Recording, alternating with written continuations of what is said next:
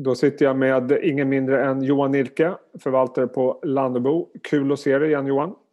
Detsamma, jättekul Jesper. Mm. Du, eh, jag tänkte att vi skulle prata lite grann om... Det är ju hemarbete och det är inga resor eller någonting utan vi sitter här i våra hus och lägenheter och rum. Eh, men du har ju haft massa möten som jag tänkte vi skulle prata lite grann om. Eh, dina intryck därifrån.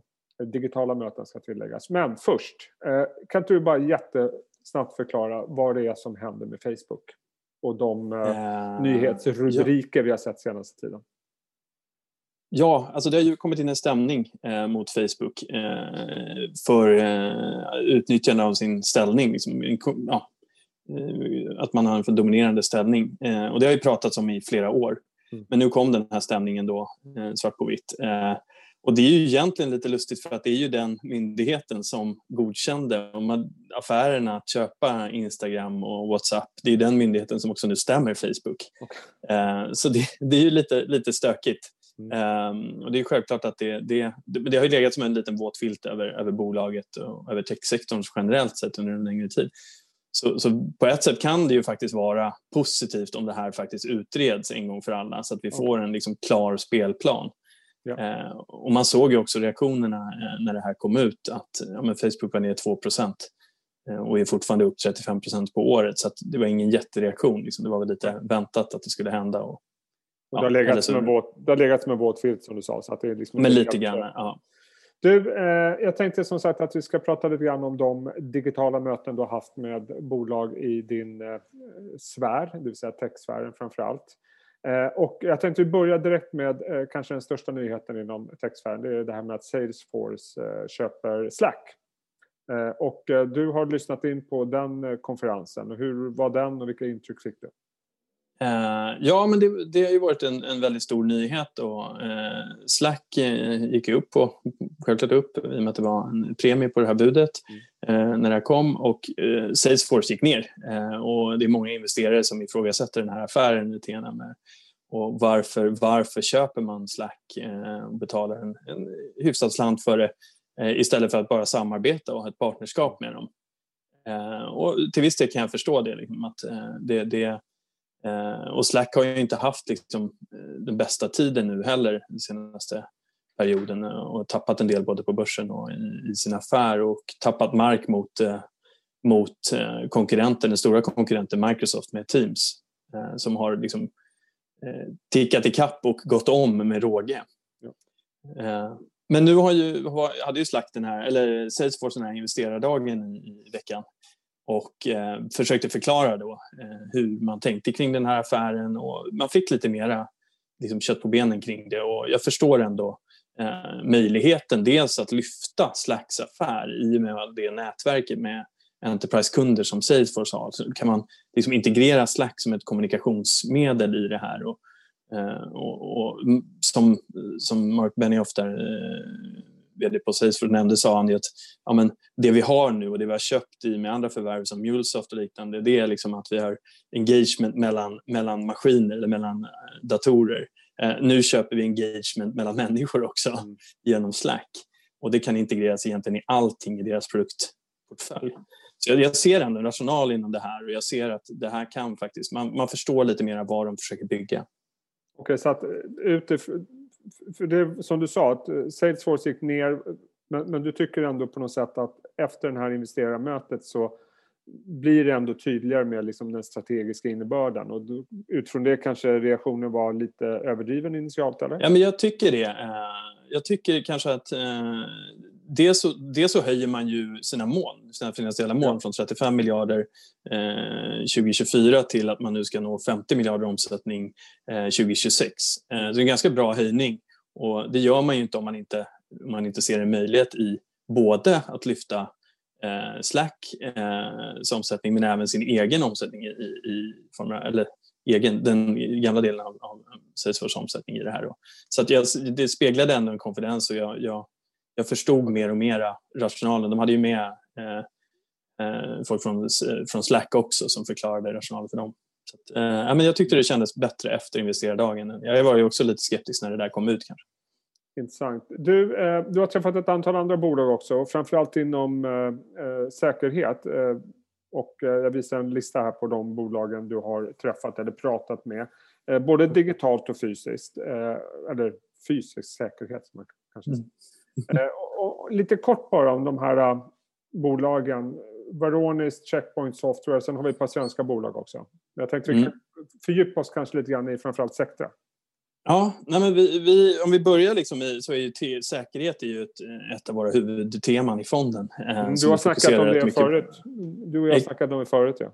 Exakt, mm. exakt. Och det fortsätter ju vara, vara ett intressant tema och det, det kommer det vara en lång tid framöver, inte minst med att eh, Eh, ja, men, dels att vi sitter hemma nu, eh, det, det kräver en ny typ av säkerhet men hela ombyggnaden av IT-infrastrukturen i och med att folk jobbar varifrån som helst eh, gör att det blir en väldigt komplex IT-infrastruktur. Det skapar sårbarheter, det behövs bättre säkerhet kring det. Men också att data är så, him- det är så värdefullt för bolag. Eh, men sen också att vi ser attacker öka. Vi, liksom dagligen kommer det nya ny- alltså nyheter om bolag som blir utsatta. Eh, och, och, vi har ju ett flertal bolag inom det här, men nu förra veckan eller, eh, så träffade jag då bland annat då ett bolag som vi har i portföljen, Veronis, och ett annat som inte har, eh, Checkpoint eh, Software. Ehm, och eh, det är lite olika där, det är två olika världar egentligen. Man pratar ganska mycket just nu om det här plattformstänket inom säkerhet. Tidigare har man nu köpt på sig eh, nischade produkter inom varje område, men det blir väldigt komplext för en, för en eh, för en säkerhetschef eller en IT-avdelning att hålla koll på. Så nu börjar man prata mer om att det krävs en plattform, ett enkelhet för att hålla koll på de här mjukvaran och det blir säkrare än att köpa bästa delen av delarna. Liksom.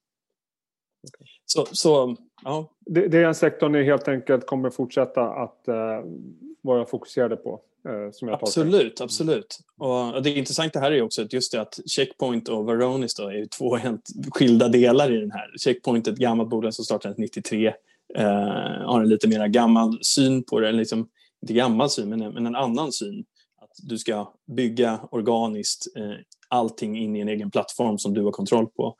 Eh, Varonis är då en liksom, lite nyare värld. Vi struntar i vad ni köper för mjukvara i övrigt säkerhet utan vi lägger oss som ett nytt lager, tittar på vad beteendeskillnader i, i liksom hur din personal eller anställda använder saker, vilken data som brukas ut på ett visst sätt och så och så lägger man som ett lager däremellan och då spelar det ingen roll. Det kan leverera in information till Veronis system även från en annan säkerhetsmjukvara. Så, så det är lite olika sätt att se på det, vilket är intressant. Och om vi tittar då på de eh, som har lite mer fysisk säkerhet eh, och Sector är ju en, det är en gammal favorit till mig faktiskt. Eh, mm. Jag tycker väldigt mycket om det bolaget. Vad tar du med dig från det mötet och vad tycker ni ja. om bolaget och aktien? Ja, men jag, jag tycker det är ett av de jag har sagt det förut, jag säger det igen, tycker det är de finaste bolagen vi har i ja. Sverige. En fantastiskt fin kultur och eh, har levererat eh, ja, starka resultat löpande under en lång, lång tid. Eh, och inte minst nu senaste kvartalet där man liksom visar en otrolig order, orderingång som ökar 77 procent eller vad det var. Ja. Och, eh, och Samtidigt så, så helt plötsligt är marginalen betydligt högre än vad den har varit historiskt och betydligt högre än vad deras mål är. Och det är inte ofta man hör en VD säga att marginalen i bolaget är på tok för hög. Eh, den, här måste, den ska inte vara där. Sen ska det vara 22 procent, den ska ner till 15 mm. Eh, för att eh, men det, men det ligger, väl, det ligger väl lite grann i deras natur. Det här är ju bolag som kommer från en, en kultur som bygger väldigt mycket på forskning och utveckling och man, man liksom bygger fram bra, stark teknik det ska kosta pengar att, att ja. ta fram den här tekniken. Så jag, jag kan på något sätt förstå vad han menar, Kronander, om han säger att det är lite för hög lönsamhet. Jag förstår också det, absolut. Eh, och jag tycker också att har man den här möjligheten som de visar att de har och tar de här affärerna som liksom löpande kommer in från stora vårdgivare runt om i världen så är det ju, då ska man ju ta den och då ska man investera de pengarna i, i sälj och, och marknadsföring och i produkterna självklart. Ja. Ehm, så, så jag håller med där. Ehm, men det här var ju, det visar ju också, det är intressant att det visar att de kan ha en marginal som är högre. Mm. Ehm, och liksom att trycka ner den där snabbt kanske till och med kommer vara svårt till 15 att investera i, och inte minst i en sån här tid eh, som vi lever i nu, liksom, där du inte har mässor och eh, resor och sånt som kostar pengar. Eh, då kanske det kommer ligga lite högre än 15 ett tag. Men du du säljer en mjukvara som du borde kunna få ut digitalt också. Och det visar lite grann, alltså Sectra har ju alltid, vad ska man säga, aktien har ju kritiserats för att det alltid varit en hög värdering så länge jag kan minnas har man sagt mm. det. Men det här visar ju på den underliggande potentialen det finns liksom, i vinsttillväxt och lönsamhet. Mm. Mm. Nej, men det, det är ju ett sånt bolag som, ja, men som sagt, du har ju följt länge och jag har följt länge. Mm. Eh, och det har som sagt alltid sett dyrt ut men det, de levererar gång på annan så det, så sätt tycker jag det är... Mm. Ja, de är fantastiskt duktiga. Du, eh, apropå Sverige, eller ja, inte apropå Sverige, men, men du, du skrev det så i ditt mejl till mig att eh, det finns en aktie som du gillar som är i princip okänd för mm. svenskarna. Det är ett kanadensiskt mjukvarubolag som heter, hur talar du det? Descartes? Ja. Descartes. Ja, eh, men Berätta det är, lite kort.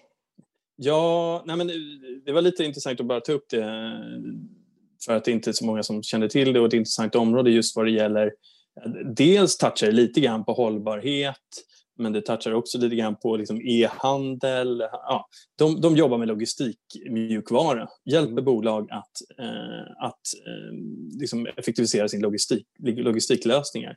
Och en del i det är att köra färre mil eller eh, ja, få, ner liksom an, få ner tiden i, i, i transporter och liknande. Eh, så det, det, är ju väldigt intressant just ur ett, ur ett miljö eller hållbarhetsperspektiv på det sättet. Eh, men sen är det också extra intressant just i en sån värld vi lever i idag när e-handeln är det, det sättet som många handlar på. Eh, I, där man sitter hemma. Ja. och sen så har de lite, fått lite stryk i, de har ju kunder inom flyg, flyg, inom flyget och så också. Men det är också viktigt nu att ja, men där kanske de kan hjälpa till med sin mjukvara att, att ställa om lite av mm istället för att frakta passagerare, frakta, eh, frakta varor i, det här läget. Eh, och, eh, ja, men det, vi, vi, ser det där som ett intressant case. Ja. och det har gått, eh, gått starkt också. Anledning att prata mer om. Du, eh, vad säger du annars då? Vad har ni hittat på här under hösten i er portfölj? För det här har ju varit en, ännu ett galet halvår får man väl ändå säga. Eh, ja. Med, med enormt stark börs, inte minst i november. Och eh, vi hade, vi bara tittat på börsnoteringarna den senaste tiden. Det, det är ju oerhört starkt sug och eh, hög riskaptit som jag tolkar det. Eh, vad, vad, har ni hittat på i er fond? Har ni gjort några väsentliga förändringar baserat på de här rörelserna? Ja, men eh, vi har ju självklart, det, det, det har gått mycket tid till att kolla på eh, alla dessa liksom, transaktioner som har varit på gång. Antingen om det varit IPO, placings eller eh, ja, emissioner på något sätt. Eh, det har tagit väldigt mycket tid för oss i fonden och vi har varit med i en del där också. Eh, och vi har ju sett många, i Sverige har många gått, eller generellt sett har många gått bra. I Norge har många gått ganska dåligt. Okay. och det gäller liksom att vara noggrann. Det går inte bara att gå in i alla emissioner och, och, och och tro att det blir bra eller alla IPOer. Eh, utan vi gör ganska mycket jobb på det här området eh, och det är samarbete med våra kollegor inom Landebo också för att, för att få till det där bra. Så det har vi lagt mycket tid på. Sen är det självklart eh, följa de eh, värderingar som har kommit upp i portföljen. Eh, vi har haft många bolag som har gått väldigt starkt och då se att ja, vi har tagit ner några nu eh, under november eh, och tagit lite vinst i vissa eh, och blickar lite mera framåt eh, och ser vad, vad, vad har vad har tagit lite stryk? För alla bolag inom eh, teknik har inte gått bra i pandemin. Du har ju, du har ju bolag inom, inriktade mot industrin eller liknande, eller utbildning. Eh, säkerhetsområdet har inte heller alla gått bra. Ehm, så, så kanske blir liksom, fokusera lite mer på att titta på case inom de områdena. Var ni med i uh, Thunderful? Vi var med i Thunderful. Ja. Mm, det var vi. Mm, den blev ju ganska bra. Ja. vad, var den, in, vad var den kom in på 50 och sen ja. Teckningskursen var 50 år, nu står ni i vad? Ja, ja, den har väl gått upp 40 40-50 procent. Ja, en liten det väl... nätt uppgång. Sådär. Ja, så men, det, nej, men det, var, ja, men det var ju spännande. Den var ju, vi tyckte att det var en attraktiv värdering på, det, mm. på den eh, noteringen och att de hade en stark ställning i liksom, eh, dels i den liksom, distributionsaffären som många kanske tyckte var en tråkig del i det här, eh, som är den stora delen av deras intäkter i dagsläget. Mm. Men det blir en stabilitet och den har de haft i 39 år. Eh, de har liksom en ledning som är rutinerad och liksom bra renommé i branschen. Eh, de kan bygga vidare på den övriga liksom speldelen och investera i den både organiskt eller genom förvärv genom kassaflöden från diskussionsdelen. Så att, okay. Och dra nytta av att man har ett nära samarbete med, med Nintendo också. Så att, eh, ja, men vi tyckte det där såg, såg intressant ut och framförallt värderingsmässigt intressant. Vad säger du annars om 2021? Vi hade ju det vi ältat nu, det här med vaccinnyheten som kom 9 november. Vi såg en brutal sektorrotation under extremt kort tid. Är det så liksom att eh, det är slut på Netflix, Zoom och spelande nu när vaccinet kommer? Det är liksom bara att kasta in handduken här. Hur, hur tänker ja, ni? För det, det, finns väl... nu överdriver jag som du säger. Men, men, men, finns det inte ändå en, en eh, risk ur ert perspektiv att den här sektorrotationen kanske blir den trenden vi kommer se under stora delar av 2021 förutsatt att vaccinet rullas ut. Och som du sa själv, det är ju ganska många höga värderingar där ute inom eh, mm. digitalisering och så vidare. Ja, men så är det ju och det ser vi ju till viss del i vissa områden har ju faktiskt fortsatt ticka ner lite även om mm. det, det blev en, liksom, en ganska kort snabb rotation där ett tag. Men, men, men vi tror ju inte att hela digitaliseringen är ju inte över för att det kommer ett vaccin utan vi ser ju liksom att ja, men nu har man under pandemin, eh, framförallt om det gäller företags digitalisering, så har man, har man liksom sett att ja, men nu måste vi släcka branden. Eh, nu ska vi, alla ska komma åt den data de behöver hemifrån, kunna kommunicera med varandra hemifrån. Vi måste driva vår verksamhet. Och det är brandsläckning. Eh, mm. det ska bara funka nu. Eh, nu har man ju en tid att IT-cheferna kommer tillbaka, styrelserna har träffats och pratat om det här, eh, ledningen pratar om det här digitaliseringen. Så jag tror inte att digitalisering har hamnat längre ner på agendan efter det här. Nej. Utan nu gäller det att sätta upp det här för framtiden på riktigt. Ja. Eh, och det man ser också är ju liksom, när vi kommer ut ur det här, alla kriser innebär ju, innebär ju någon form av förändring. Och, eh, ofta leder det till några saker som är bättre och jag tror att många företag tar det här tillfället i akt mm. att faktiskt digitalisera sig ordentligt. Eh, och de kommer komma ut starkare än de som inte gör det. Så vi säger det, liksom, det blir lite som ett vaccin mot konkurrenskraft. Eh, digitaliseringen är ett vaccin mot konkurrenskraft framöver. Okay. Eh, vi, det måste liksom som bolag göra. Därför så fortsätter vi. Och det här, vi fortsätter med vår process, titta på den här digitaliseringen som pågår. Det gjorde vi innan pandemin, det gjorde vi under pandemin och det gör vi framåt också. Och vi tittar på de områdena och självklart kanske vi då inte fokuserar främst på spel, gaming, även om vi har en viss del sånt också. Vi kanske inte fokuserar kanske på de här streamingtjänsterna eller konsumenttjänster eller eh, Zoom eller de bolagen utan tittar kanske mera på eh, ja, men, industrin, hur digitaliseras den? Där kanske det har stått tillbaka ett tag under pandemin för att de inte har kunnat mm. investera på samma sätt för fabriker eller vad det nu har varit nedstängt och efterfrågan. Um, så, så, att titta det, på det. Det blir, mm. Eh, som ni tror, kanske andra draglok inom tech ja, ja, absolut. vi har sett under den här. Det tror jag kan. Räknar ni med samma avkastning nästa år som ni haft i år? Jag skrattar lite rätt för den har ju varit väldigt bra.